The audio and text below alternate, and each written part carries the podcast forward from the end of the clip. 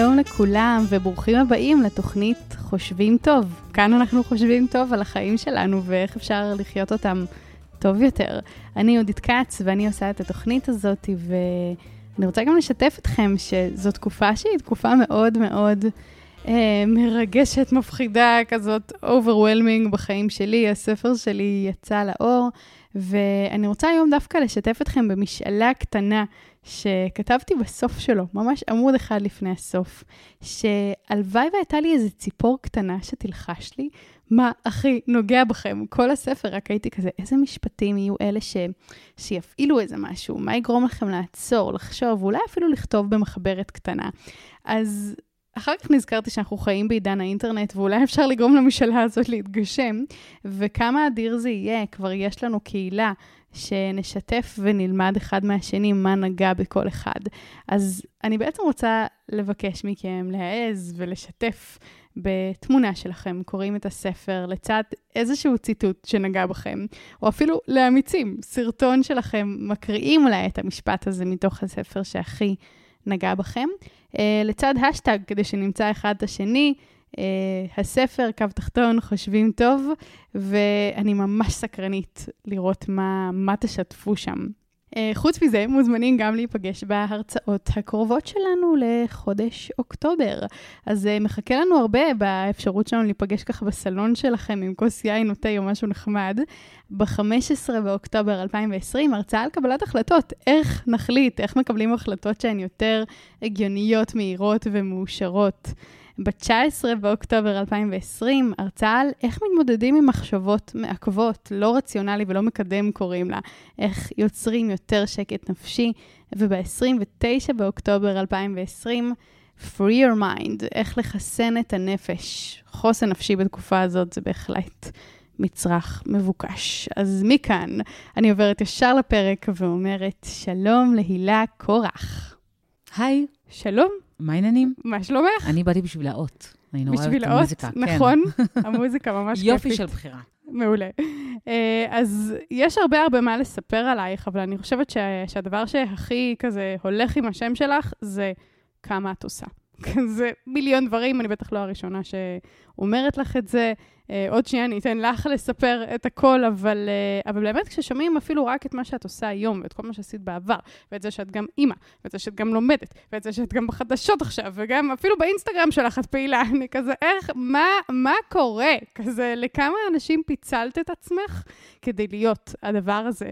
אז היום אנחנו נצלול, אה, נצלול קצת לאיך את עושה את זה, ומה עוזר לך, מה קשה לך, ואיך אנחנו יכולים ויכולות ללמוד מזה כדי לחיות גם חיים מלאים בעשייה משמעותית וכיפית. נראה שאת נהנית מזה לאורך כל הדרך, אה, בגדול, כן? בגדול. רוב. הזמן. אז, אה, אז ספרי לנו קצת מה את עושה היום, בכללי. אה, אז אה, היום אני מגישה את מהדורת השבת בערוץ 13, אה, ואת לפני החדשות בערוץ 13, ארבע פעמים בשבוע. אה, ואני אימא לשלושה, ונשואה לדרור, ויש לי את הפודקאסט אימא אימא עם אה, עינת נתן, פודקאסט מדהים. ואני חושבת שזהו. מה, מה עם הרפואה? הרפואה, הייתי אמורה להתחיל התמחות ב-1 באפריל, מהמם. ואז uh, קיבלתי הצעה uh, להגיש את לפני החדשות, ואז אמרתי, מה פתאום, אני מתחילה התמחות ב-1 באפריל. ואז uh, עורך התוכנית, שהוא גם חבר טוב, עשה לי עוקץ ואמר, אוקיי, uh, אודי uh, סגל, צריך החלפה פעמיים השבוע, אז רק תבואי להחליף אותו פעמיים, ו- ו- וזהו, ונשכח מזה, ואני כבר אחפש מישהו אחר. ובאתי להחליף אותו פעמיים, ונורא נהניתי. Uh, וביררתי אם יש אפשרות לדחות קצת את ההתמחות, ודחיתי את ההתמחות, והלכתי ללפני החדשות, ואני חושבת שזאת הפעם הראשונה מזה הרבה מאוד זמן, שממש נאלצתי להכריע. אה, ו- ולבחור בין האופציות ולא לעשות את זה במקביל. או, נשמעת אה, בחירה קשה. כן ולא, זאת אומרת, אה, עד עכשיו בלימודי הרפואה את כל הזמן צריכה, יש לך, אה, יש לך לוח זמנים, את חייבת אה, לסיים בתקופה מסוימת, את, אה, את חייבת להתחיל סטאז' מעד שנה לסיום הלימודים, ואת הסטאז' את גם חייבת לסיים בתקופה מוגדרת, ואחרי שסוף סוף את מסיימת, וממש היום, היום, היום, היום, אני מקבלת את ה... יש טקס חלוקת אה, תארים. בזום אמנם. היום, היום? היום, היום, היום, וואו, מזל טוב. זום. אה, כן, זה לא, את יודעת, כבר קיבלתי בדור את הרישיון, זה לא זה, אבל... אה, אה, אז ברגע שאת אה, ממש מקבלת כבר את הרישיון, את, אה, את יכולה להרשות לעצמך לדחות את ההתמחות. אז אה, אין לי ספק שאני אתחיל את ההתמחות. כבר שאלה שחוזרת על עצמה פשוט, אנשים נורא מתעניינים מה, מה עושים עם שבע השנים ש, שלמדתי. ואני אני, אה, אני אתחיל אותה, אני אמורה להתחיל בפנימית ו' בבית חולים מאיר, אה, מחלקה גריאטרית. מתישהו. מתישהו. בקרוב, כן. וואו. לא אדחה את זה המון, אבל uh, בינתיים זה, זה כן. בהמתנה. אז את יודעת, שכזה, אני אשתף אותך באופן אישי, שאני אני לא נוטה להסתכל הרבה על רזומה של אנשים. כי בדרך כלל זה מה שאותי באופן אישי פחות כזה מושך אותי ומעניין אותי, מעניין אותי להכיר את הבן אדם, ואיכשהו אצלך, בגלל שזה כל כך הרבה, זה פשוט מעורר כזה את השאלה של, של איך, כי למדת תואר אה, ראשון בפסיכולוגיה ומדעי המדינה, ואז המשכת, ועשית תואר שני בדיפלומטיה. אה, ואני לא יודעת אם כזה לפני, אחרי, תוך כדי, איפה זה היה בסדר הדברים, אבל את אה, עיתונאית וקריינית, ואשת רדיו, ויש לך את הפודקאסט, והייתה לך אה, תוכנית בוקר עם אברי גלעד במשך מלא מלא מלא שנים, ומתישהו החלטת להוסיף לזה גם לימודי רפואה, ותוך כדי את אימא, שלושה ילדים. אז הדבר הזה הוא באמת מעלה שאלות של כזה, איך, איך, מה זה? זה וונדר וומן? ואני אני תוהה אם, אם זה כבר מעצבן אותך, נגיד, שאומרים עלייך שאת וונדר וומן, זה מחמיא לך, את מסכימה עם זה? זה כמובן מאוד מאוד מחמיא, אה, אבל אה, אני מסתכלת מסביבי ואני כל הזמן רואה, בעיקר נשים, אגב, שעושות המון המון דברים. Uh, ואת יודעת, זה פשוט uh, קצת uh, עם פרופיל נמוך יותר אולי, mm-hmm. אבל עדיין חבריי בלימודי הרפואה גם עבדו כדי לממן את עצמם, זאת אומרת, אז בסדר, סבבה, זה נחמד כזה שאומרים איך את מספיקה את הכל, אבל אני באמת מסתכלת מסביב ואני רואה המון המון המון נשים שעושות לא פחות דברים. ואני חושבת שההבדל הוא באמת בעצימות או בחשיפה.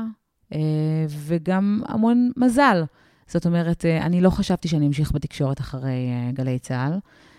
הייתה לי עבודה ששילמה שכר מספק בגיל יחסית מאוד מאוד צעיר, שלוש פעמים בשבוע עד תשע בבוקר. וזה משתלב עם לימודים נהדר. ואני מאוד מאוד אוהבת ללמוד.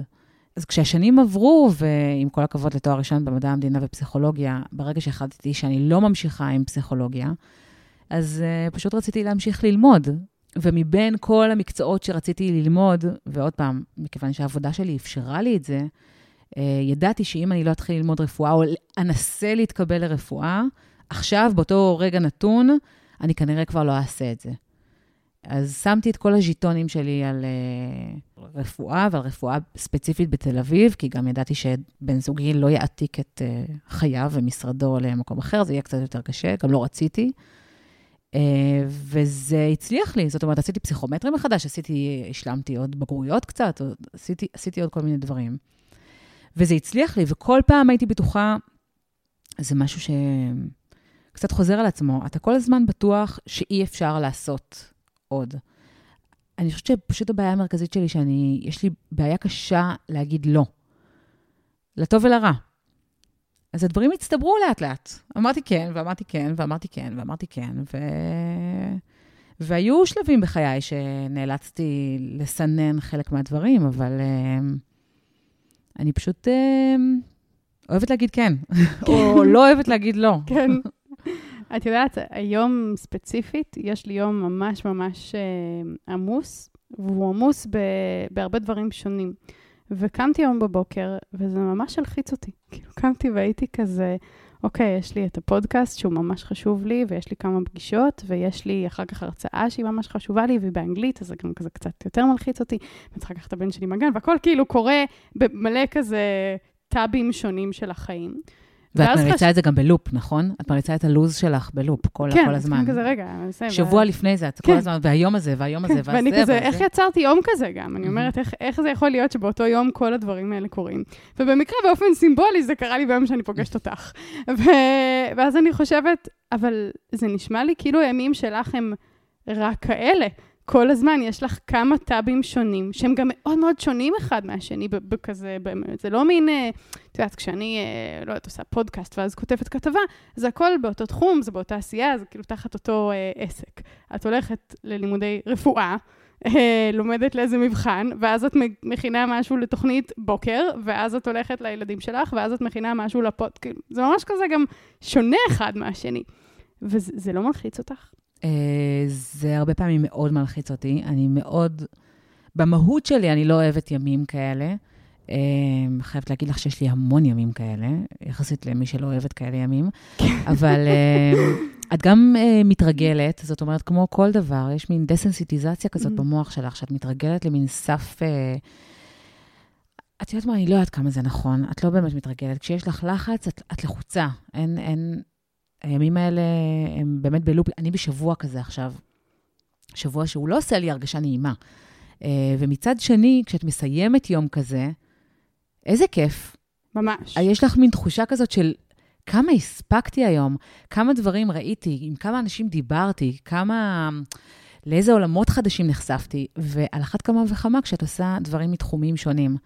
אה, זה גם נורא ממלא אותך מצד אחד, וגם נורא מכניס אותך לפרופורציות. זאת אומרת, אה, כשאת נורא מושקעת בתחום אחד, אז כל, אה, את יודעת, כל אבן קטנה, כל מהמורה קטנה בדרך היא דרמטית, כי את נורא מושקעת בדבר אחד.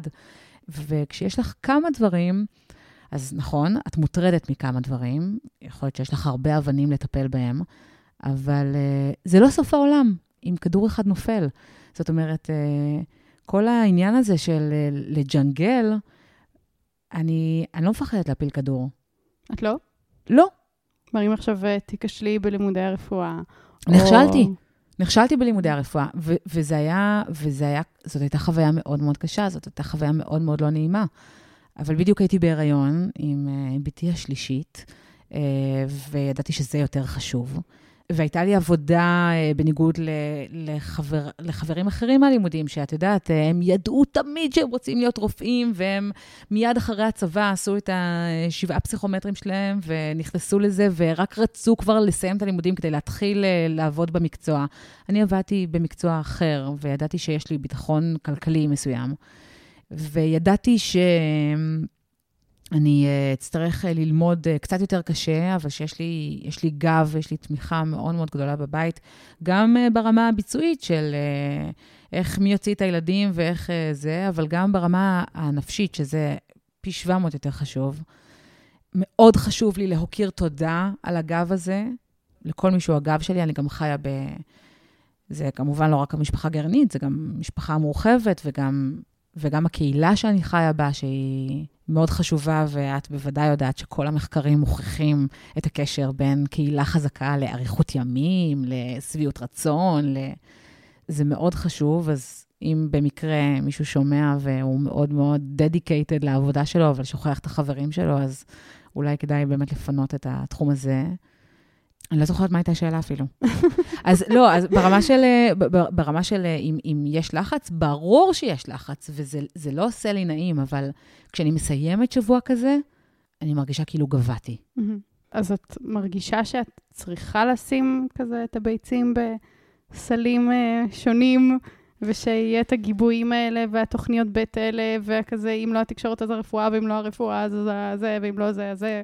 אה, אני מניחה שזה גם מנגנון אה, הישרדותי, כאילו פסיכולוגית, זאת אומרת, לא סוף העולם אם את לא מצליחה בתחום אחד. אבל גם, עוד פעם, ברמה הפרקטית, אני אומרת לך, אני באמת מאוד מתקשה להגיד לא. לפעמים אני, לפעמים זה שובר אותי, לפעמים זה יותר מדי. אבל רוב הזמן, זה מוציא אותי מאזור הנוחות שלי, זה אה, מותח את, ה, את הגבולות של מה שאני חושבת על עצמי שאני מסוגלת להשיג, וזה מוכיח את עצמו פעם אחרי פעם. את יודעת, כמו כל מנגנון התמכרות, זה שולח את הדופמין, זה, זה, כן. זה, זה, זה עובד וזה מצליח, ואני מבסוטה והלקוחות מבסוטים. אה, גם אם לפעמים לא. כן. ויש רגעים שאת אה, לא אוהבת את התכונה הזאת שלך, שאת לא אומרת לא? כמו שאת אומרת, מה הבעיה שלי? למה אמרתי לזה כן? עכשיו אני ביותר מדי מחויבויות, מה עשיתי לעצמי? כן, ברור שיש ימים שאני אומרת, אוקיי, לא, זה היה, זה היה יותר מדי. הם מאוד מעטים. באמת. הם, הם הרבה יותר מעטים ממה שאני חושבת שהם יהיו. זאת אומרת, אני כל... אני באמת, אני, אני מוצאת את עצמי, המון אומרת לעצמי, בשביל מה הייתי צריכה להגיד כן? ואז אני הולכת לזה, ואני פתאום אה, מכירה בן אדם חדש. או אה, שומעת איזשהו תחום חדש, את יודעת, איזה מין אה, משהו בהתנדבות כזה, שבשביל מה, די, כבר יש כזה עומס, בשביל מה אני צריכה את זה? ואז אני מגלה איזו עמותה חדשה, או איזה מישהו ש, שבאמת אורח החיים שלו הוא, אה, הוא מעורר השראה. וזה גם, גם שווה משהו. אז זה לא כסף, אז זה בזבוז זמן. אז הייתי צריכה להזמין בייביסיטר והילדים שלי יהיו עוד שעה עם אה, מישהו זר, אבל, אבל uh, את, uh, את, את גדלה, את... Uh, לא יודעת, אני... זה קצת קלישאה, אבל זה באמת מנטרה שצריך לשנן אותה כל הזמן. עדיף להתחרט על משהו שעשית, מאשר על משהו שלא עשית. אז כמובן, רוב הזמן, את יודעת, אני לא אתחרט על דברים שאני לא עשיתי, כי אני לא יודעת מה לא כן. עשיתי, אבל רוב הפעמים, הרוב המוחלט, 90 אחוז מהפעמים, הימים האלה הם ימים שאני מסיימת בחיוך. באמת מה שאת אומרת פה מאוד מתחבר למה שאנחנו רואים במחקר הפסיכולוגי, שהמחקר הפסיכולוגי מבדיל בין שני סוגים של חרטה. יש את חרטה על מה שעשינו, ובדיעבד טעות, היינו מעדיפים שלא לעשות, ויש את מה ש... נמנענו מלעשות, שלא עשינו, ואז אנחנו מרגישים החמצה. ובאמת, בטווח הקצר אנחנו מתחרטים הרבה יותר על מה שעשינו והיה טעות. אנחנו אומרים, למה? למה הייתי צריכה לעשות את זה? ובטווח הארוך, מסתבר, אנחנו דווקא אוכלים את עצמנו הרבה יותר על מה ש... יכולנו לעשות ו- ולא עשינו, על ההזדמנויות האלה שלא ניצלנו, על הקשרים שלא תחזקנו, על הניסיונות שלא לקחנו, ואני חושבת שאת מאוד חיה ככה.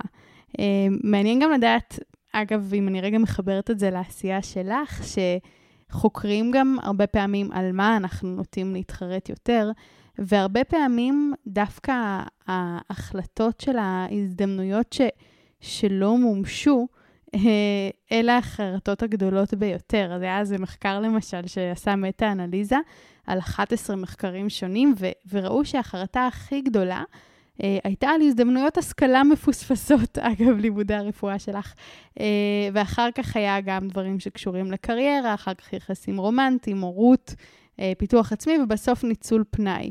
וההסבר הזה בין הצביטות בלב שלנו הוא באמת מוסבר על ידי זה שיש את מה שעשינו, ואפשר היה עוד לשפר ולתקן. ו- ואם לא שיפרנו ותיקנו, אז לפחות אפשר ללמוד מזה עוד שיעור שימשיך ולעצב את החיים שלנו. ולעומת זאת, מה שלא עשינו, הדברים האלה שרצינו ללמוד כל החיים ולא למדנו, אנחנו, אנחנו תמיד נשארים עם השאלה הזאת של, ה, של מה היה קורה אילו. אי אפשר להעריך את מה היה קורה אם היינו, אם היינו עושים את זה. בואי, אה, בואי אולי נעמיד דברים על דיוקם. כן. אני מאוד, הנטייה הטבעית שלי היא מאוד uh, להישאר בבית, לעשות פחות, ל... אני פשוט ניסיתי ל, ל, לפסיכופת כזה, באמת. כן. הוא באמת מהסוג שבולע את העולם ורק רוצה להכיר אנשים ורוצה לחוות חוויות ורוצה לעשות דברים, ו... וכל פעם שהייתי מסרבת, הוא היה אומר, אבל למה לא? מה אכפת לך? מה אכפת לך ללכת? מה אכפת לך לבלות שעתיים בחברת אנשים שאת לא מכירה? מה אכפת לך ל... Uh, והמנגנון שפיתחתי הוא פשוט, uh, כל פעם שאני רוצה לסרב, אני uh, או מעבירה לו את ההצעה במייל, בוואטסאפ, איך שזה לא הגיע, ואז אני אומרת לו, לא לעשות את זה, נכון? ואז, ואז כמובן מגיעה התשובה. והוא באמת, הוא, הוא, הוא, הוא הגנרטור החיצוני שלי, הוא, הוא, הוא המנוע, הרבה יותר ממני, אני באמת לא יודעת איפה הייתי היום בלעדיו. כלומר, הוא דוחף אותך להגיד כן, להאמין כן. שאת יכולה לעשות את אנחנו זה. אנחנו כל הזמן צוחקים על זה שהוא אימא פסטיגל. הוא דוחף אותי, ל... דוחף אותי לאודישן. אמ, אבל אה, לא, הוא חד משמעית מאמין בי יותר ממה שאני מאמינה בעצמי. אה, ואני מקשיבה לו, אני בוחרת להקשיב לו, אני בוחרת להאמין לו. וואו, איזה, איזה יופי שיש בן אדם כזה... כן. כל כך קרוב בחיים שלך, זה... זה המון מזל, באמת זה המון מזל. באותה מידה יכולתי למצוא את עצמי עם מישהו אחר ובמקום אחר לגמרי. מה, מה הוא רואה בך שאת לא רואה בעצמך? שהוא צריך להזכיר לך כל הזמן? קודם כל שאני יכולה. שיש זמן, שאפשר למצוא פתרונות.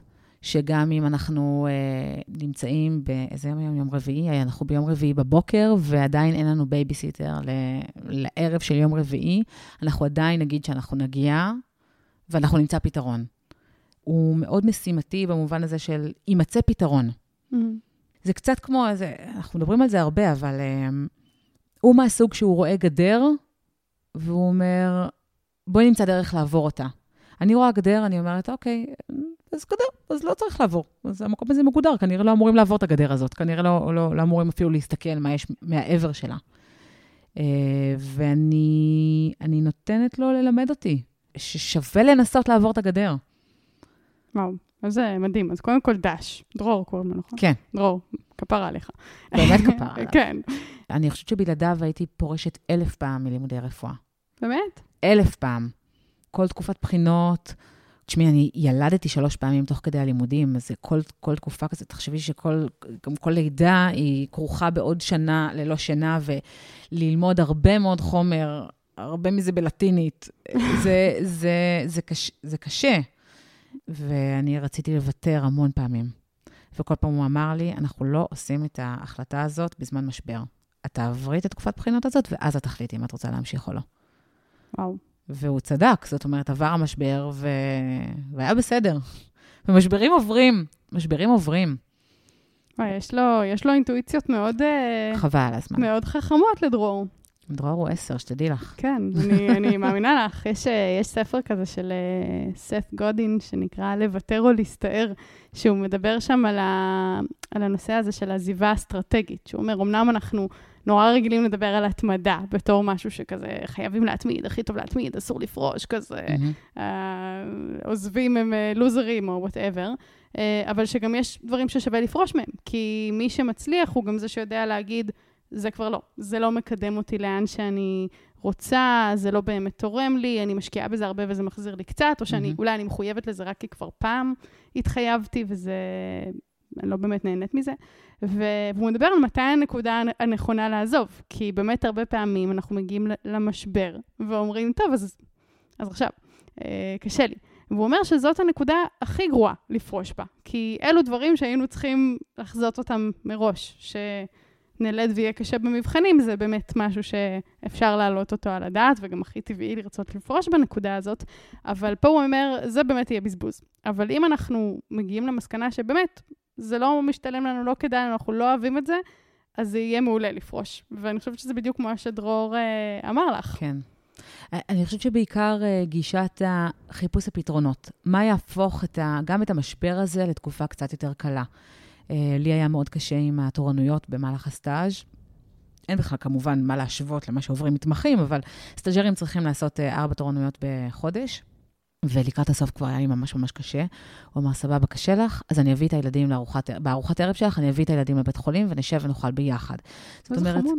כן, לא, באמת, זה, וזה לא היה סיפור מבחינתו. את מבינה? זה, אם אתה מסתכל על כל דבר כ, כתיק, וזה משהו שאני מאוד נוטה לעשות, אז הכל הופך להיות קשה. במקום לחפש את הפתרונות ומה יהפוך את זה ליותר קל. לא יפתור את, ה, את המשבר. המים עדיין יהיו סוערים, אבל, אבל לך תהיה עוד חגורת הצלה. וזאת גישה, גישה שהיא אה, מאוד לא טבעית לי, ואני אה, מאוד אה, מתאמצת ליישם וללמוד ולהפנים. זה סופר יצירתי, זה מדהים איך הרצון הזה לעשות הרבה, כמו שאומרים, הצורך הוא אבי ההמצאה. זה גורם לכם להיות סופר יצירתיים ולייצר ערך חדש לעצמכם ולילדים שלכם ככה. הרי כל הסיפור הזה של יצירתיות הוא סיפור של מה באמת הצורך שלי, מה הלמה שבגללו זה חשוב לי. חשוב לי לראות את הילדים שלי, חשוב לי אה, ללמוד תחום שמעניין אותי, ועכשיו השאלה היא רק איך. איך אני גורמת לדבר הזה לעבוד, אם לא בדרך אחת, אז בדרך אחרת, ב-20 דרכים שונות. איך אני מסתכלת על התמונה הגדולה הזאת ושואלת, מי אמר ש? מי אמר שחייבים לאכול ארוחת ערב בבית ולא במחלקה, וללמוד ככה גם על מה שאימא עושה ולהכיר סביבה אחרת. ו- ובסוף, אני חושבת שמה שיפה זה שאתם באמת עונים על השאלות האלה עם, עם, עם טקסים, עם התנהגויות פרקטיות שגורמות לדבר הזה לעבוד בשבילכם, ואני מאמינה שזה מאוד מועיל לכם ומייצר לכם גם, גם חוסן נפשי, הדבר הזה ש, שיש שם עוד אפשרויות שאתם יודעים שהן שם, ורק צריך לגלות אותן. עכשיו, תגידי לי, גם, גם דרור הוא כזה כמוך? שאלה מעולה. הוא גם, אה, אם נביא אותו פה לפודקאסט מקביל, יספר על אה, 400 ערוצי עשייה ו... חד משמעית. אבל, ויש פה אבל מאוד גדול, כן. גם אני חושבת שאני מאמינה בו הרבה יותר ממה שהוא מאמין בעצמו. הוא כל הזמן, אני חושבת שלצורך העניין, הוא היה יכול להיות רופא מעולה. מעולה. קור הרוח שלו ב- באמת ברגעי משבר, או במצבי לחץ, או... אני זוכרת את זה כשהתחלנו לצאת, הרבה לפני שבכלל חשבתי ללמוד רפואה, נסענו, רכבנו על אופנוע באיילון, ורכב שלפנינו, ממש, זה, זה היה ממש כאילו, זה צמוד אלינו, איכשהו הנהגת אה, סטתה ופגעה בקיר, אה, פגעה בקיר באיילון. והוא, באותו הרגע, אני הייתי כמו ארנבת מול אה, פנסי מכונית, והוא, באותו הרגע, עצר את האופנוע במקום בטוח, יצא החוצה, הלך אליה, הרגיע אותה, בדק מה, היא שלמה, זה ישר תפעל את כל האירוע. את יודעת, מהאנשים האלה שהם מתפקדים מדהים תחת לחץ, תחת אש, תחת, איך שלא תגידי את זה.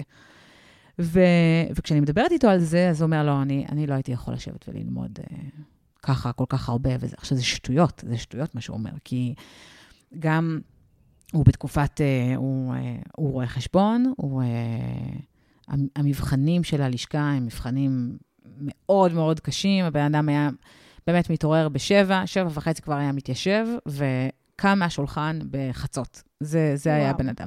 אז מה, איך אתה אומר שאתה לא היית, וגם עבר מבחנים שבאמת אחוזי המעבר בהם הם לא מאוד גבוהים. איך אתה אומר על עצמך שאתה לא, לא היית יכול ללמוד, שלא היית מסוגל? מה, מה זה השטויות האלה? זה מדהים כמה כל אחד אה, רואה את החסרונות של ממש. עצמו, וכמה ו- אנחנו משווים את עצמנו לאחרים. וכמה קל לך יותר לדחוף אחרים מאשר את עצמך. קל לך לארגן את החיים של אחרים, כן. יותר מאשר של עצמך. איך אתם עושים את זה ביחד, שאתם מגדלים שלושה ילדים קטנים, נכון? ביצים. אה, כן, הם קטנים. הכי גדול הוא מה, בן שש, שבע? הוא בן שמונה. אה, יש שמונה, שש וחצי ושנתיים וחצי. כן, שזה לא ילדים שלוקחים את עצמם, מכינים לעצמם ארוחת צהריים, מסיעים את עצמם, כלומר, זה ילדים ש... את יודעת, קטנים. קודם כל, הם בראש סדר העדיפויות. זה בהגדרה. אה, וזה אומר שהזמן שאנחנו איתם הוא זמן איכותי. משתדלים לפחות. הם מאוד עצמאיים, הגדולים כבר, גם אנחנו גרים במושב, אז הם פשוט באמת מגיל ארבע, הם יוצאים יחפים מהבית ועוברים לבתים של חברים Mhm. שלהם, וזה ככה, ככה, ככה נהוג, זאת אומרת, כן. זה לא רק אצלנו. ויש מחיר, אני לא, לא אשקר, זאת אומרת, אה, עכשיו עם התוכנית היומית, אז אני לא איתם אחר הצהריים, הם עם, אה, הם עם בייביסיטר. אבל עוד פעם, אז לפני, ש, לפני שהלכתי למהלך הזה, אמרתי לעצמי, איך אני יכולה להפוך את זה למשהו קצת שונה? הוצאתי את כולם מהצהרונים כדי לבלות איתם בארוחת הצהריים, הם כולם מאחת כבר בבית, ומספיקים לאכול ארוחת אה, צהריים ביחד ולשחק קצת וזה, ואז ברבע לארבע אני יוצאת. יש את הזמן המשמעותי, להגיד לך שזה אידיאלי, אה, יכול להיות שהייתי יכולה להיות אימא טובה יותר. מרגישה שאת לא אימא טובה? מספיק? אה, אימא טובה מספיק, זאת הגדרה סבבה. אוקיי. אני אימא- אני אימא טובה מספיק. אה, האם הייתי יכולה להיות אימא טובה יותר, משקיעה יותר, סבלנית יותר, לגמרי לגמרי נמצאת איתם כשאני איתם, לא, אה, לא עונה לטלפונים, לא. ברור שהייתי יכולה להיות אימא כזאת. אה, מצד שני, אני שומעת אותם מדברים עליי עם חברים שלהם, ואני סבבה עם איך שהם מתארים אותי. מה הם אומרים? אוי, זה נורא חמוד, מה הם אומרים? הם אה, מספרים להם איך אה, אימא שלהם אה, אחר הצהריים, אה, שהבייביסיטר מגיעה בדיוק, אז הם מספרים להם שאימא הולכת לפגוש את הנשיא. אימא שלהם מטפלת באנשים, וזה זה תלוי באיזה השווצה הם רוצים להשוויץ, אבל הם, הם משוויצים. והם הם נורא מתעניינים גם במה שאני עושה. הם פתאום, הם כל אחד לוקח את זה לכיוון שונה. אורי, פתאום יש לו מין מודע, מודעות פוליטית כזאת. הוא כאילו ממש מעניין אותו לשמוע מה ראש הממשלה אמר, ומה שר הביטחון אמר, ומה מה יחסי הכוחות, ולמה אומרים על ביבי שהוא ככה, ולמה אומרים על גנץ שהוא ככה, והוא... אה, ועלמה אה, לאט-לאט מתעניינת יותר ויותר באמת בגוף האדם וב... ובתהליכי, ושמעתי אותה אומרת גם לחברה שהיא תהיה רופאה כשהיא תהיה גדולה, כל מיני Mm. כאלה. אני בטוחה שלפרקים אני מקור לאכזבה, כמו כל ההורים לכל הילדים, אבל all in all, אני חושבת שהם, אה, שהם מקבלים אימא טובה יותר במובן הזה. לא יודעת, זה לא, זה לא נוח לי להגיד את המילים האלה, אבל אני, אני מרגישה בן אדם טוב יותר מהדברים שאני עושה, ומהבחירות שאני בוחרת. אה, והם גדלים בסביבה שמאוד מאוד מאוד אוהבת אותם, מאוד. אה, הם, אה, כל הזמן אנחנו צוחקים על זה במושב, שאנחנו גרים במין קומונה כזאת, במין משקי בית משותפים ו- והורות משותפת, ו- אבל באמת, יש לנו חברים שהם כמו משפחה. הם לא כמו, הם משפחה, הם באמת משפחה. ו- והילדים גם מרגישים שהם משפחה, אז אין להם רק אבא ואמא אחד, יש להם הרבה אחים והרבה הורים והרבה... ומרגישים נורא בנוח, ומרגישים נורא בטוחים ונורא נאהבים. כשמסתכלים על זה, כשאני אומרת את זה בקול רם, אני אומרת, מה, מה עוד אפשר לבקש? אה, מרגש. כן, עוד פעם, זה כמובן נוח לי להציג רק את הצדדים החיוביים, כן, ברור שיש את זה... ניגע, ניגע גם ב, כן. בפחות זוהרים, אבל מעניין אותי אם היית, נגיד, מאחלת לילדים שלך אה, חיים כמו שלך. חד משמעית. חד משמעית. זאת אומרת, זה שווה את כל ה... אני חוזרת בי. אני, אני לא יודעת אם... אני, אני מאחלת להם מה, ש, מה שיעשה להם טוב. אם הם uh, צריכים... Uh, אני מסתכלת עליהם גדלים ואני רואה שלא, אני רואה שהם גדלים להיות בדיוק כמו אבא שלהם וכמוני, כן? אבל uh, זה גם חצי נכון. את יודעת מה? אני, אני חוזרת בי. אורי, אני לגמרי רואה את זה עליו, שהוא כל הזמן צריך את החברה, והוא צריך את העיסוקים, והוא צריך את הזה. עלמה הרבה יותר אוהבת בית, אבל גם העולם הפנימי שלה הוא מאוד עשיר, היא מאוד... Uh, היא, היא חוקרת ובודקת, כאילו, אבל בגבולות, ה, בגבולות הבית יותר, בגבולות הזה. Uh, ורונה, רונה הולכת להיות... Uh, רונה הולכת לכבוש את העולם. כן? כן, חד משמעית. איך את רואה את זה? היא... את רואה את האנרגיה, את רואה את, ה, את הסלד. היא ב-9,000 סלד וואי. קבוע. ממש. ובכיף שלה, מה זה בכיף שלה? היא, היא ילדה של אנשים. ומתי נכין? כי היום אנחנו יודעים שאין בעיה להתאמץ, אין בעיה לעבוד קשה. אה, רואים את זה גם בעולם הספורט, נכון? אנשים מרימים משקולות מאוד מאוד כבדות, רצים המון המון קילומטרים, אנחנו יכולים לעשות הרבה, אבל הרבה פעמים הבעיה היא המחסור במנוחה, בהתאוששות, ב... בהפסקה, והשאלה היא מה, מה איתך? את מקפידה על זה? את נחה? בוודאי שאני כאילו, נחה. יש לך כזה פעילויות פנאי שהן... חד משמעית. קודם כל, אני רצה, שזאת הפעילות המדיטטיבית שלי. אה, אני משתדלת לרוץ שלוש פעמים בשבוע. זה נעול ברזל. החיים שלי ממש השתפרו מהרגע שהתחלתי לרוץ. אה, זה לא משהו שאני עושה המון זמן, אבל אה, הוא... זה קצת כמו שחייה, את לא, את לא באמת מצליחה לשמור על איזושהי מחשבה קוהרנטית ואיזשהו ניתוח מעמיק, כמו שאת אוכלת לעצמך את הראש ביום-יום. אה, אז כל פעילות גופנית היא, היא מאוד מתגמלת. ו, וכן, יש לי, יש לי חבורת חברים שאני... אה, זה יותר חשוב מהרבה דברים אחרים. זה מאוד גבוה בסדר העדיפויות, וזה גם, זה, זה השחרור. ולי ולדרור, בנוסף, יש אה, טקס הוא התחיל בתקופת הקורונה, והוא כבר באמת חצי שנה, יום-יום, אנחנו מסיימים בחצר אחרי שכבר הבית שקט והשכבנו את כל הילדים, ולא משנה כמה אנחנו עייפים. אנחנו יושבים עם uh, כוס יין, או עם הטוסט שלנו, או סתם פשוט יושבים בחצר ובוהים. מינימום 20 דקות, ואז אפשר להמשיך את היום. כל uh, יום. כל יום. מדהים. ואצלי זה בעיקר בא על חשבון טלוויזיה, אני, אני בקושי רואה טלוויזיה, אם בכלל.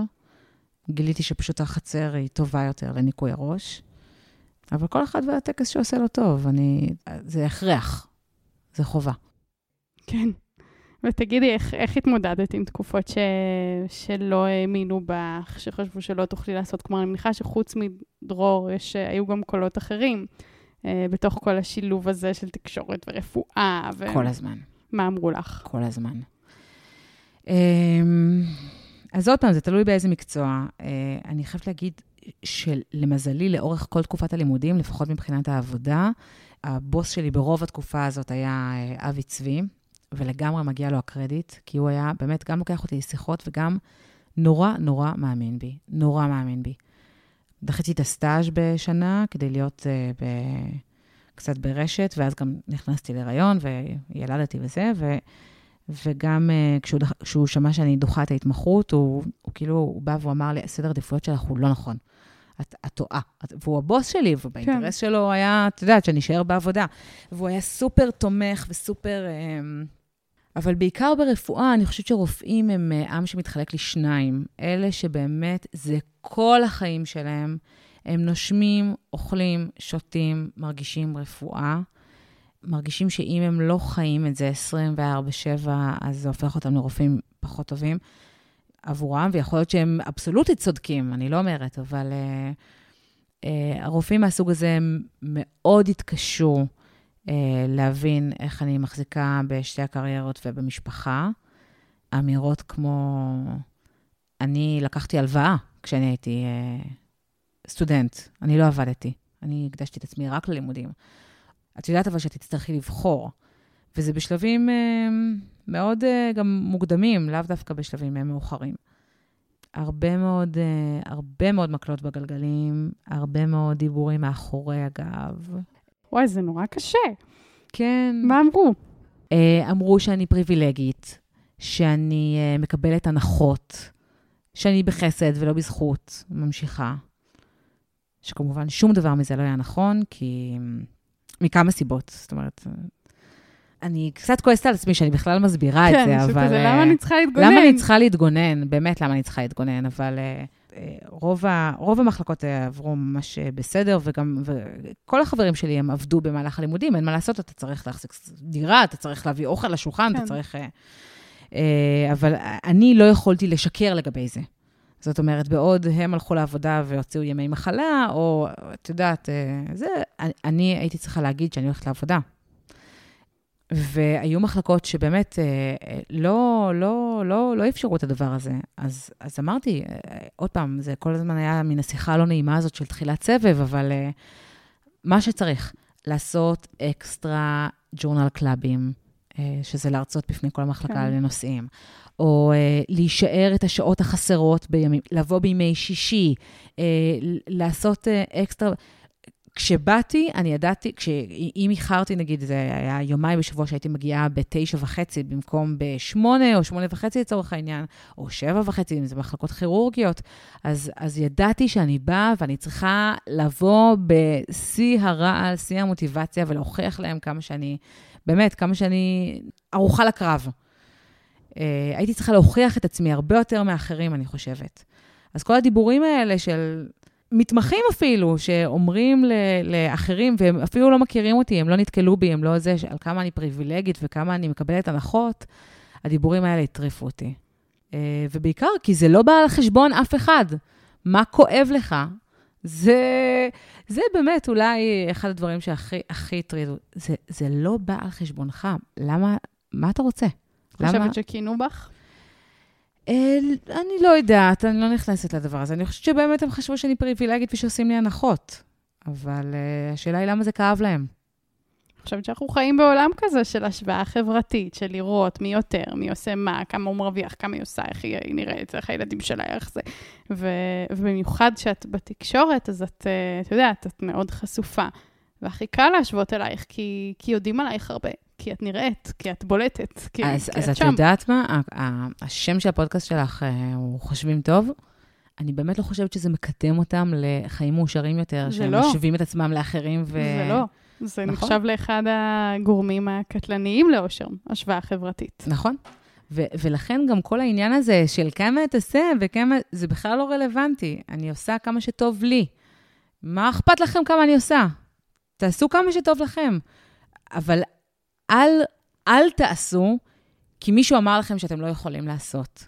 כי מישהו אמר לכם שעד עכשיו לא עשו את זה, אז זה בלתי אפשרי.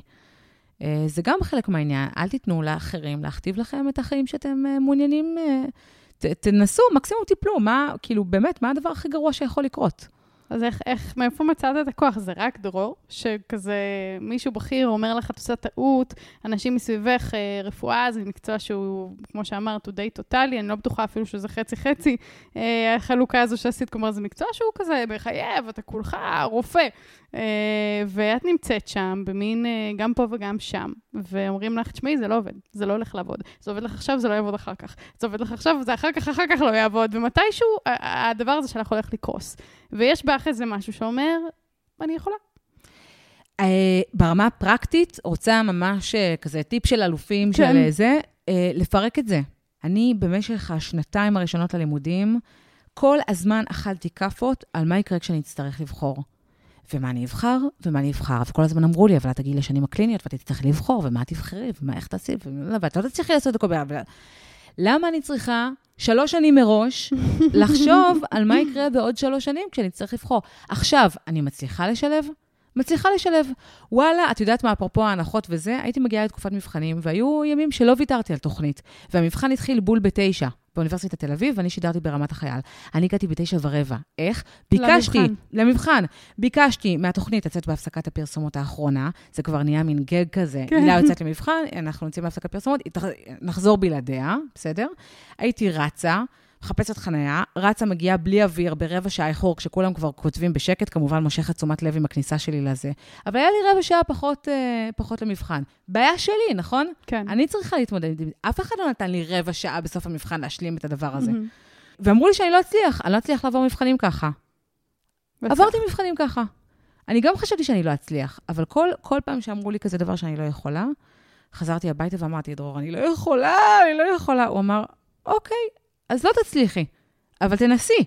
אל מראש תוותרי כי אמרו לך שאת לא יכולה. תנסי, מקסימום תופתעי לטובה. זה מה שנקרא, את הלא כבר יש לך. כן.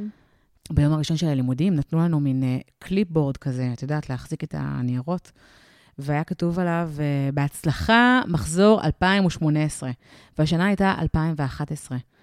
וכולנו הסתכלנו אחד על השני ואמרנו, אלוהים אדירים, מה עשינו? אתה לא, באמת, המוח האנושי, הוא לא מסוגל לחשוב כל כך רחוק ולהתמודד עם המחשבה הזאת. סבבה, זה נחמד שיש לך מטרה, תוכנית חומש ויעד לעוד עשור וכל הדברים האלה, אבל ברמה היומיומית אתה לא מסוגל להתמודד עם זה. אה, ואם אתה מפרק, אוקיי, רק לעבור את התקופת מבחנים הזאת. זה גם בריצה ככה. בריצות ארוכות שאני עושה, אז, ויש לי את המסלול הקבוע שלי, אני אומרת לעצמי, אוקיי, רק עד התחנת דלק. ואז אחרי אני מגיעה לתחנת דלק ואני אומרת, אוקיי, רק עד הבניינים הצבעוניים. ומגיעה לבניינים הצבעוניים, אוקיי, רק עד החוף. ורק עד החוף, את מבינה? כשאני מפרקת את זה, קצת כמו אלכוהוליסטים אנונימיים, one day at a כן. time, כן. אני... זה הרבה יותר קל להתמודד עם זה, גם רגשית וגם נפשית. נעבור את היום, נראה מה, מה, מה יהיה. נראה איך נרגיש בסוף היום. נראה אם זה היה כל כך נורא, אם השד היה כל כך גרוע. אה, נראה אם הצלחנו לעבור עוד מכשול, ויכול להיות שזה לא יהיה כל כך גרוע כמו שחשבנו שזה יהיה. זה כמעט תמיד לא גרוע כמו שחשבנו שזה יהיה.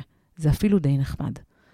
זה פירוק כזה למטרות קטנות, זה משהו שאנחנו יודעים גם ממחקרים שהוא מאוד מאוד מועיל, ושהמוח שלנו אפילו עושה פיזית, לכאורה, את הפעולה הזאת של אם זה קטן ומוגדר, אני מעבירה את זה לעכשיו. לגמרי. אפשר, יאללה, בוא נעשה. כמו משימות ברשימות שלנו של כזה להתקשר לרוני, אז אנחנו כזה, אה, להתקשר לרוני, מה הבעיה, נכון? יאללה, התקשרתי. לעומת משימות כמו עכשיו... אה, לשמור עם רוני על קשר. כן, את כזה, כן. אה, מאיפה אני מתחילה, מה עושים? ו- ו- נכון. ואת אומרת, אני כל הזמן אומרת, היום, רק להיום, אה, מפרקת את זה, ו- ומרגישה שזה אפשרי.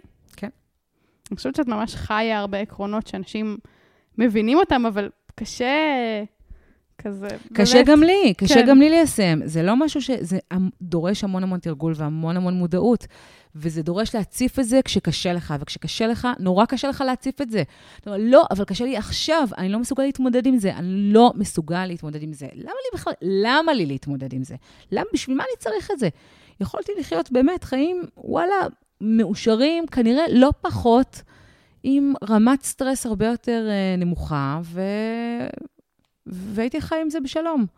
אבל אז תעשה את זה. ואתה אומר, איזה כיף, הדלי שלי התמלא עוד קצת. זה כן עשה לי משהו, זה כן תרם לי במשהו. אני חושבת שנורא כיף לי במה שאני עושה, וזה מביא איתו עוד דברים שקשורים לזה, שעושים לי כיף. והרבה פעמים אני לא יודעת שזה יעשה לי כיף, אבל אני מנסה. מקסימום, בזבזתי יום. בזבזתי שעה. הייתי בחברת מישהו בלתי נסבל שאני לא אבלה אני לא אבלה לידו שוב. זה קורה לי עכשיו, נגיד, עם כל מיני כתבות שאני מצלמת למהדורת השבת, הם כאילו, זה נשמע לי כמו רעיון טוב, זה נשמע לי כמו משהו שאני רוצה לעשות, ואז אני פתאום מגלה שזה, וואלה, הבן אדם שראיינתי אכזב אותי מאוד, או כאילו כל הסיטואציה, לא יצאה כתבה מספיק טובה, לא... ולהפך, כתבות שאני אומרת לעצמי, בשביל מה אני צריכה לצאת לזה, מה זה, אבל העורך שלי חשב שזה יהיה רעיון טוב, ואני הולכת על זה, ווואלה, איזה כיף היה. גם אם לא תצא הכתבה הכי טובה בעולם, וגם אם לא, איזה כיף היה, עשיתי משהו שלא עשיתי עד עכשיו. איזו זכות זאת. זה, זה, זו, זו, זו זכות גדולה. אה, וגם לדעת אה, להרפות ולשחרר זה חלק מהעניין. יש דברים שאני לא טובה בהם, שאני לא... אז לא לעשות אותם.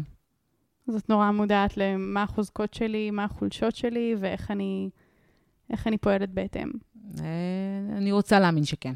כן, את, את יודעת שבעולם הפסיכולוגיה שחוקרים חוזקות, אז דווקא לא מדברים על כישרונות, על כזה לדעת לשיר, לדעת לצייר, mm-hmm. שמיעה מוזיקלית, אה, כל זה, אלא דווקא על חוזקות אופי, דברים כמו סקרנות, הומור, הכרת תודה, אה, התלהבות, מנהיגות, כלומר, הדברים האלה ש, שהופכים אותנו לאדם הייחודי שאנחנו, ואנחנו יודעים היום שאם אנחנו מודעים לזה, אז אנחנו גם יודעים לפעול לפי זה, לבדוק כמה אנחנו נותנים לזה מקום בחיים שלנו, ואני חושבת שנגיד בסיפור שלך, אז סקרנות תופסת פה מקום אה, כזה כמעט בכל דוגמה שנתת. כלומר, ללמוד רפואה, זה, אמרת, זה עניין אותי, נכון? זה כזה עניין אותי לדעת אה, כן, אה, איך, איך גוף האדם עובד ומה אפשר לעשות, ו... כל התוכניות בוקר וגלילאו, וכלומר, אה, יש פה הרבה דברים שאת צריכה ללמוד הרבה כדי לעשות אותם, נכון? המכונה הזאת של אני צמאה ל, לידע, היא, היא מניעה אותך, ממה שאני שומעת פה, הרבה יותר מנגיד החשיפה. או הרושם, או לעשות דברים אה, אה, בצורה מושלמת, שזה גם יכול להיות חוזקה, שמישהו אומר, אני רוצה את זה רק במצוינות וביופי ובהכי מדויק, ואני לא שומעת את זה בדברים שלך. לא, לא, אין, כלומר, אין מצוינות. את, את אומרת, אני, אני רוצה ללמוד, וללמוד אני יכולה, אני יכולה בגלילאו, ואני יכולה בפודקאסט, ואני יכולה ב, עם הילדים שלי, ו, ואפילו באיך שאת מתארת את הניסיונות. את אומרת, אני באה סקרנית ליום חדש, ומקסימום נלמד, מקסימום לא, מין משהו שהוא נורא נורא פתוח. ואולי זה יעניין אותך לדעת ש, שכשמסתכלים על איזה חוזקות מנבאות אה, אושר, כזה שמסתכלים על כל חוזקות אה, האופי, אז רואים ש, שסקרנות היא אחת מהחמש ה... המנבאות. אה, שמחה מאוד לשמוע. ש... מה השאר? מה השאר? אה, הכרת תודה, שאגב, גם על זה דיברת, אה, פתחת בזה. והתלהבות, שזה גם קצת הולך עם סקרנות, כלומר, כזה... זה שתי חוזקות שונות, אבל כן. הן הרבה פעמים הולכות ביחד. המין כזה, וואו, יש עולם, מה זה? בוא נראה, כזה משהו שהוא נורא, אה, נורא חי. תקווה, זה גם אה, אחת מהן. והומור, זה, זה כזה החמש אה, המנבאות ביותר לאושר. טוב לדעת. אה, כן, זה, זה מעניין, אבל כן, אצלך הסקרנות היא, היא באמת כזה עולה פה הרבה, ואת משתמשת בזה באופן מודע. מה, בסקרנות שלי? כן. כל הזמן. כן. כל הזמן. אני לא, כמובן, יש עוד לאן לשאוף. יש לי זיכרון ילדות כן. של אבא שלי. יושב בשבתות בבוקר עם האנציקלופדיה העברית, שהייתה כבר אז לא רלוונטית, כאילו, הייתה מהדורת 73 אה, כזה, משהו כזה. אבל משהו עלה לו בראש, והוא רצה, הוא רצה לקבל תשובה עליו, וזה היה טרום עידן הגוגל, טרום עידן האינטרנט אפילו. אה, אז הוא, הוא פתח ספר, וראיתי אותו יושב וממש קורא משהו שסתם עניין אותו. אה, והיום זה ממש מונח לך בכף היד. את יכולה, את רק צריכה להעביר את המחשבה, לתרגם אותה להק, להקלדה, ו, וזה שם. אה, אז נכון, זה הרבה יותר שטחי. אבא שלי לומד לעומק, כן. ואני יותר לרוחב. אבל חד משמעית, זאת אומרת, זה משהו שהוא בא לידי ביטוי ביחסים בין אישיים, בהכול, בכל דבר. את צריכה ממש להת, להתעניין במה שאת, אה, במי שאת מראיינת, במה שאת מראיינת עליו. אה, אחרת אה, הרעיון יהיה משעמם, גם לך וגם לצופים. והחיים שלך יהיו משעממים. ותגידי, מה, איפה הדארק סייד? כאילו כזה, אני מחפשת איזה מקום ש... אה, אין כזה, כן? אני לא אומרת שחייב להיות, אבל איזה מקום שהרבה פעמים, נגיד, אולי לא את, אבל אנשים אחרים אה, עושים הרבה מחוסר ביטחון, או מתחושה שלא משנה כמה אני עושה, זה לא מספיק, אה, שאני לא מצליחה לרצות את עצמי, שאני לא מצליחה לרצות אחרים, שאני, כלומר, יש פה איזה משהו שכזה, למה את עושה כל כך הרבה? למה? לא, את, את מבינה the side. ההתעקשות לגמרי, שלי? לגמרי. לא, ברור שיש גם dark side, ברור. אבל עוד פעם, אה, חשוב לי מההתחלה, גם אני אמרתי לך את זה בהתחלה, חשוב לי להתייחס להכל כמכלול. כן, זאת אומרת, אה, גם אם אתה בוחר אורח חיים שונה לחלוטין של אה, רגיעון, גם לזה אני בטוחה שיש אנשים שקמים בבוקר ואומרים, שיותר נכון הולכים לישון ואומרים, יואו, איזה יום בזבוז זה היה. ברור. הכל, הכל, שאלה של, של המכלול. האם את מסתכלת על החיים שלך ואת בסך הכל מרוצה? לגמרי. אה, אז, אז הדארק סייד שלי הוא ברור, הוא, הוא, הוא, את יודעת, הוא מובן מאליו. אני מראש יודעת שכשאני עושה את ה... כשבחרתי את התחומים שבהם אני עוסקת, אני לא נותנת 120 אחוז בכל, אה, בכל תחום. אני נותנת 90 אחוז במקרה הטוב. ויש תחומים שאני עושה, נותנת 60 אחוז. אבל אני יודעת שה-60 אחוזים האלה הם מספיקים כדי להיות טובה. מבינה למה אני מתכוונת? כן. זה חלק מהעניין של זיהוי החוזקות שלך והמודעות העצמית וכאלה. אני יודעת שאני לא במקסימום, אני יודעת שאני יכולה לתת יותר, אבל אני לא יכולה להשקיע בזה כרגע את המשאבים. ויש ימים שאני אני אומרת, אוקיי, כל הכדורים נפלו לי, לא כדור אחד, כל הכדורים נפלו לי היום. לא הייתי מספיק חדה בעבודה, לא הייתי מספיק סבלנית כאימא, אין לי שום יכולת להכיל את היום של דרור גם. אני, באמת, אין לי עניין עכשיו לשמוע מה עבר עליו, כי אני לא מסוגלת. אני לא, כן. הראש שלי ב... את מרגישה, את, את מכירה את הימים האלה שהמוח שלך לוחץ על הדפנות? לגמרי. אז... שאת אז, כזה, אה, תוציאו אותי מהראש. שלי, אני לא יכולה להיות פה. ממש, אני רוצה חדר אה, מרופד. זה מה שאני רוצה. חדר ושקט, מרופד לא וחשוך איתי. ושקט, ושאף אחד לא ידבר איתי, ואני רק רוצה להלקות את עצמי על זה שהייתי גרועה היום, בהכל. לא סבירה, לא בסדר, גרועה. היום הייתי גרועה בהכל. צעקתי על אורי סתם. לא הקדשתי זמן לרונה, ועלמה הייתה באמת נשכחה. עלמה רק רוצה ללכת לחברים, כי היא לא רוצה כבר להיות בבית. והכל נפל, כל הכדורים. אלה ימים קשים מאוד. אני טיפוס מאוד מרצה. אני מאוד עובדת על זה, במיוחד בחצי שנה האחרונה, כי אין, ברגע שרמת החשיפה עלתה יחד עם לפני החדשות וזה, אז המון טוקבקים ו... אני אוהבת שאוהבים אותי, אני אוהבת לשמוע מחמאות על כן. עצמי, זה כיף לי, זה נחמד לי, זה, אין אף אחד שיגיד לך שזה לא, אני לא מתמודדת עם זה כל כך טוב, אני לא אשקר, אבל זה, זה נעים, זה הרבה יותר נעים ממישהו שקורא לי סתומה בטוויטר, או כל מיני כאלה. ואני חושבת שהיה לי מאוד מאוד קשה עם זה בהתחלה, ולאט לאט אני באמת עוברת את, ה... את התהליך הזה, שבו אני אומרת לעצמי, זה בסדר שלא כולם אוהבים אותך, זה בסדר שלא כולם מרוצים ממך. את לא יכולה להיות uh, חדה ב-100% בראיונות, ולפעמים את תפספסי שאלות ואת תפספסי כותרות, ואת... Uh, אם היית עושה את זה ביום אחר, כנראה היית עושה ריאיון טוב יותר, ואולי לא התכוננת מספיק, ואולי לא... יש הרבה הלקאה עצמית, אבל זה, זה בגדול ה dark side. Uh, זה dark side שאני... הוא בשליטה, אני מתמודדת איתו. הקונספט של חיפוש פתרון במקום לשקוע בהלקאה עצמית הוא קונספט מאוד חשוב בעיניי. האם אני מצליחה ליישם את זה תמיד? לא. כן, את בן אדם. אבל אני בן אדם, כן, זה נראה לי לגיטימי. כן. את יודעת, אצלי הרבה פעמים, אה, כשאני עושה הרבה דברים אה, שונים שדורשים אה, כזה אופנויות מוח שונות, או כזה פודקאסט, הרצאה, כלומר, זה דורש ממני דברים אחרים לגמרי, אה, ואני מרגישה שכמו שאת אומרת, אני לא 100% פה ואני לא 100% פה, כי יש לי פשוט כמה דברים שאני עושה. אז אני, אז אני מרגישה כמו מתחזה. אני לא עושה שום דבר הכי טוב שאפשר, והכל כאילו איכשהו קרה מעצמו, היה לי מזל, להסתדר, דבר הוביל לדבר, אבל אין לי... אבל בסוף יעלו עלייך. כן, בסוף יעלו עליי. כן. ואני תוהה אם, אם גם את מרגישה ככה. כל לפעמים. הזמן, כל הזמן? כל הזמן. כל הזמן. כל הזמן. וזה לא משתפר עם השנים? אה, זה משתפר בתחומים מסוימים. בעבודה אני כבר לא מרגישה ככה. אני לא מרגישה כמו בשתי מתחזה. עבודות? כלומר, גם כרופאה... לא, ברפואה אני חד משמעית מתחזה. אוקיי. אה, אבל אה, את יודעת, אני גם... את גם יודעת שאת מסיימת לימודי רפואה ואת לא באמת יודעת רפואה. את צריכה כן. להתחיל את ההתמחות שלך, את צריכה לחיות את זה באמת ביום-יום. אני לא אומרת כאילו להיות fully dedicated באמת, כמו שאמרתי לך על הרופאים שהם 24-7 רופאים, אבל את צריכה לתרגל את זה, זה כמו שפה. אחד הפחדים הכי גדולים שלי זה לטוס לחו"ל, לכש... אם וכאשר נשוב לטוס לחו"ל, ושיגידו, יש רופא על האווירון, ואני לא, אני לא אדע מה לעשות. כזה, לא אה, אני. כאילו, על הנייר אני, אבל אני לא יכולה לעזור לו, אני לא, אין, אין... אה, זה, זה מאוד מפחיד אותי. בטח, בטח שאני מרגישה מתחזה. אני גם, את יודעת, אני... אבל אני חושבת שמשהו בשיח באופן כללי השתנה. אתה כבר לא מתיימר להיות מושלם. זה ממש בסדר לא לדעת.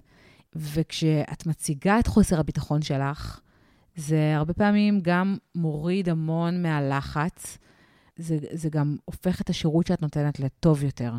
זאת אומרת, את רואה איך הפנים מולך מתרככים. אני לא יודעת הכל. את צריכה לדעת שאני לא יודעת הכל.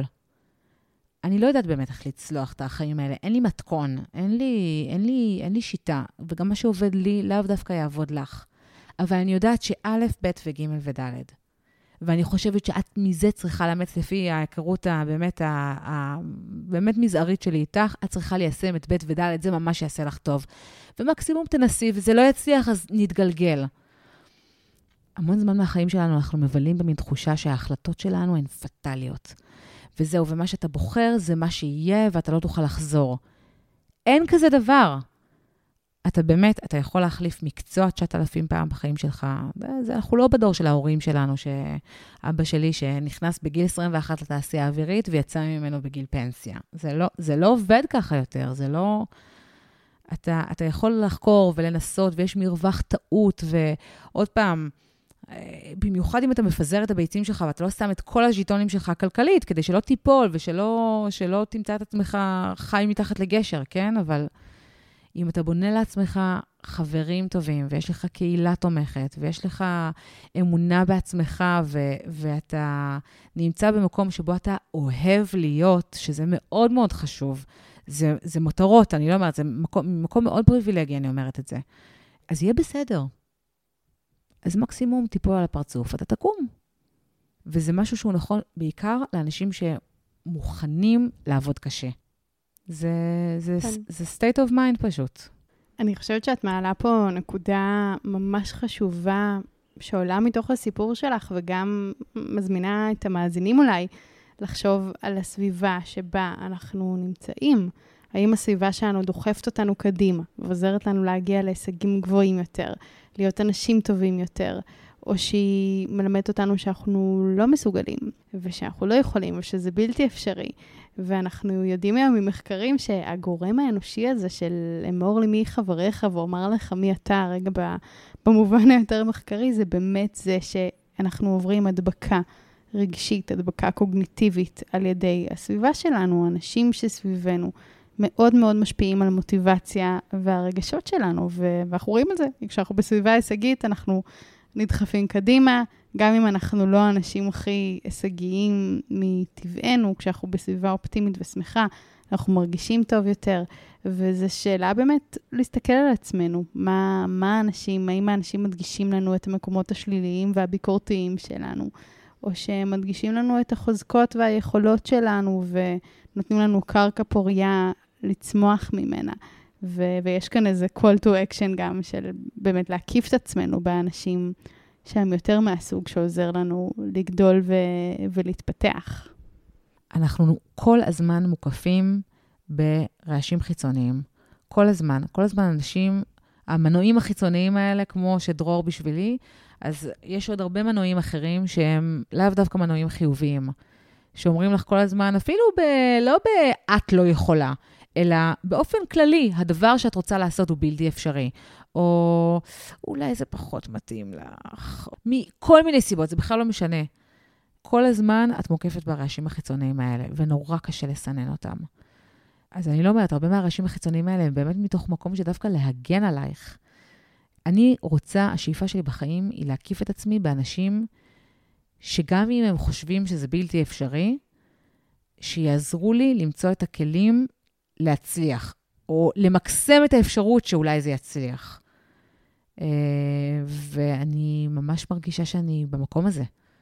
אני ממש מרגישה ממש שמצאתי... בוחרת את האנשים באופן אקטיבי. כן, זה באופן אקטיבי וגם באופן פסיבי. זאת אומרת, אנשים שהם פחות את זה, אני, הם מתרחקים מטבע, את יודעת, מטבע ההתנהלות. כן. אני לא, לא רוצה שיורידו לי. לא בגלל שאת יודעת, אני חושבת שאני שרה נהדר ואני שרה גרוע, ואז אני אומרת, הם לא מבינים, ואני הולכת uh, לשיר בתחרות, uh, את יודעת, בתוכנית שירה כזאת ולהביך את עצמי בפני כולם. לא בקטע כזה. בקטע של uh, אני לא יכולה לשלוט במה את מסוגלת לעשות, אבל אני ממש רוצה לעזור לך, ל- לרפד אותך מכל הכיוונים כדי לנסות לעזור לך להצליח.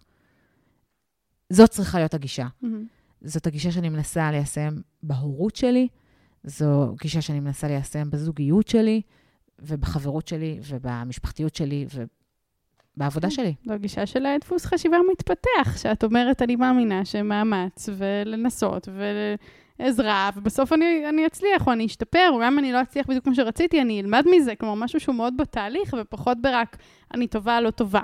כזה, אני הצלחה או כישלון. כן, אני יותר דיברתי לכיוון ההפוך. מהמם. אני רוצה להיות המסייעת של הילדים שלי, אני רוצה להיות המסייעת של הזוגיות שלי, את מבינה? כן. גם כמובן שהם יעזרו לי, כן, אבל לא מתוך מקום של אה, אה, קח ותן, כן. אלא מתוך מקום של... אה, אני באמת חושבת שזה התפקיד שלנו. אה, אני באמת חושבת שזה גם יהפוך את העולם לטוב יותר.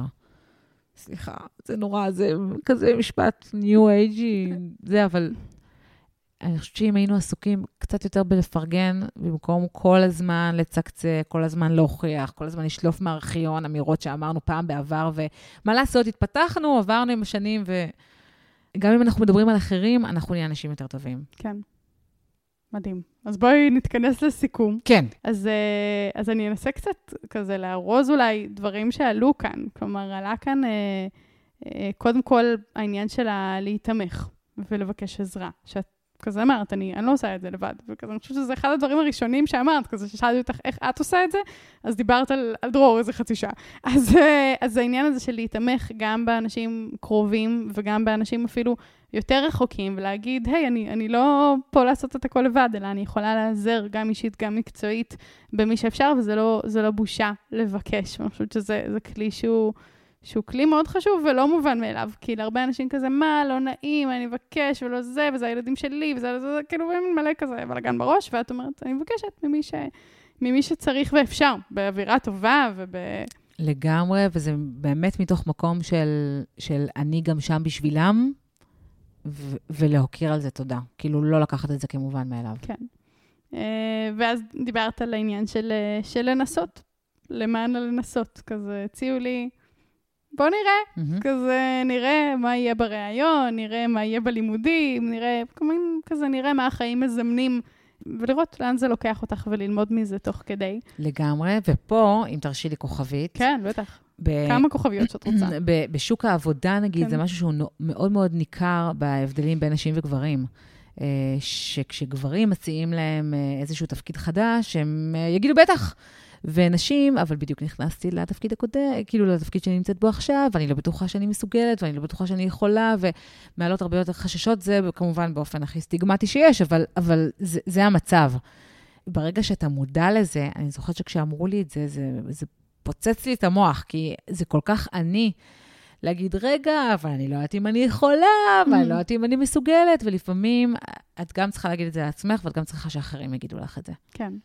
Uh, מה עוד דיברנו? מה עוד דיברנו? דיברנו על, על מנוחה ודברים שאת עושה בשביל להתרענן, ודיברנו על הספורט ועל ה-20 דקות האלה בערב עם, uh, עם דרור. דיברנו על רגשות אשם. ש... בלי עין הרע. כן, בלי עין הרע יש, uh, יש לכולנו, אבל אני חושבת שכאן היופי היה באמת העניין של זה שאת מצליחה לראות את זה כתופעה חולפת. את כזה אומרת, הנה, יש לי יום כזה, שבוע כזה, אפילו חודש כזה, אבל זה לא מי שאני, זה לא האמת, כי אני רואה את זה כמו איזה ענן כזה, שבא והוא ילך. ואני מנסה לתקן את מה שאני מרגישה שצריך, מה שנובע פרקטית מזה. זה בתיאוריה, כן? כן. עוד פעם, אה, כשיש לך רגשה שם, אז יש לך רגשה שם, אבל זה באמת משהו שאת צריכה... את קמה הרי בוקר למחרת ואת בסדר. כן. אז uh, לפעמים יש באמת רגעים שבהם את אומרת, אוקיי, רק למצוא את הענף, להיאחז בו, והמים יעברו וזה יירגע. כן. מעולה. אז, אה, אז ממש ממש אה, תודה לך שהגעת. תודה לך שהזמנת. אה, בכיף, אני ממש שמחתי גם שכזה ישר אמרת כן, וכזה כתבתי לך, והיית כזה כן, בטח, ועוד דיברנו בטלפון ממש קצת זמן אחרי, מין משהו כזה נורא, איכשהו, שוב, בהמשך לתחילת השיחה של איפה הכנסת את זה. אז, אז תודה על הכזה פתיחות, ושאמרת גם לזה כן. בשמחה. ואני למדתי ממש הרבה מהשיחה שלנו, אז, אז תודה רבה. איזה כיף. ותודה לכם המאזינים. ש... שהגעתם לעוד uh, פרק בתוכנית uh, חושבים טוב, ואני בטוחה שלקחתם מפה מלא מלא דברים uh, פרקטיים של מה אפשר לעשות עם זה בחיים שלכם. אז, אז תודה, ושיהיה לכם המשך יום מעולה. גם לך. טוב. בהצלחה עם היום הזה. וואי, ממש. תודה. יאללה, ביי.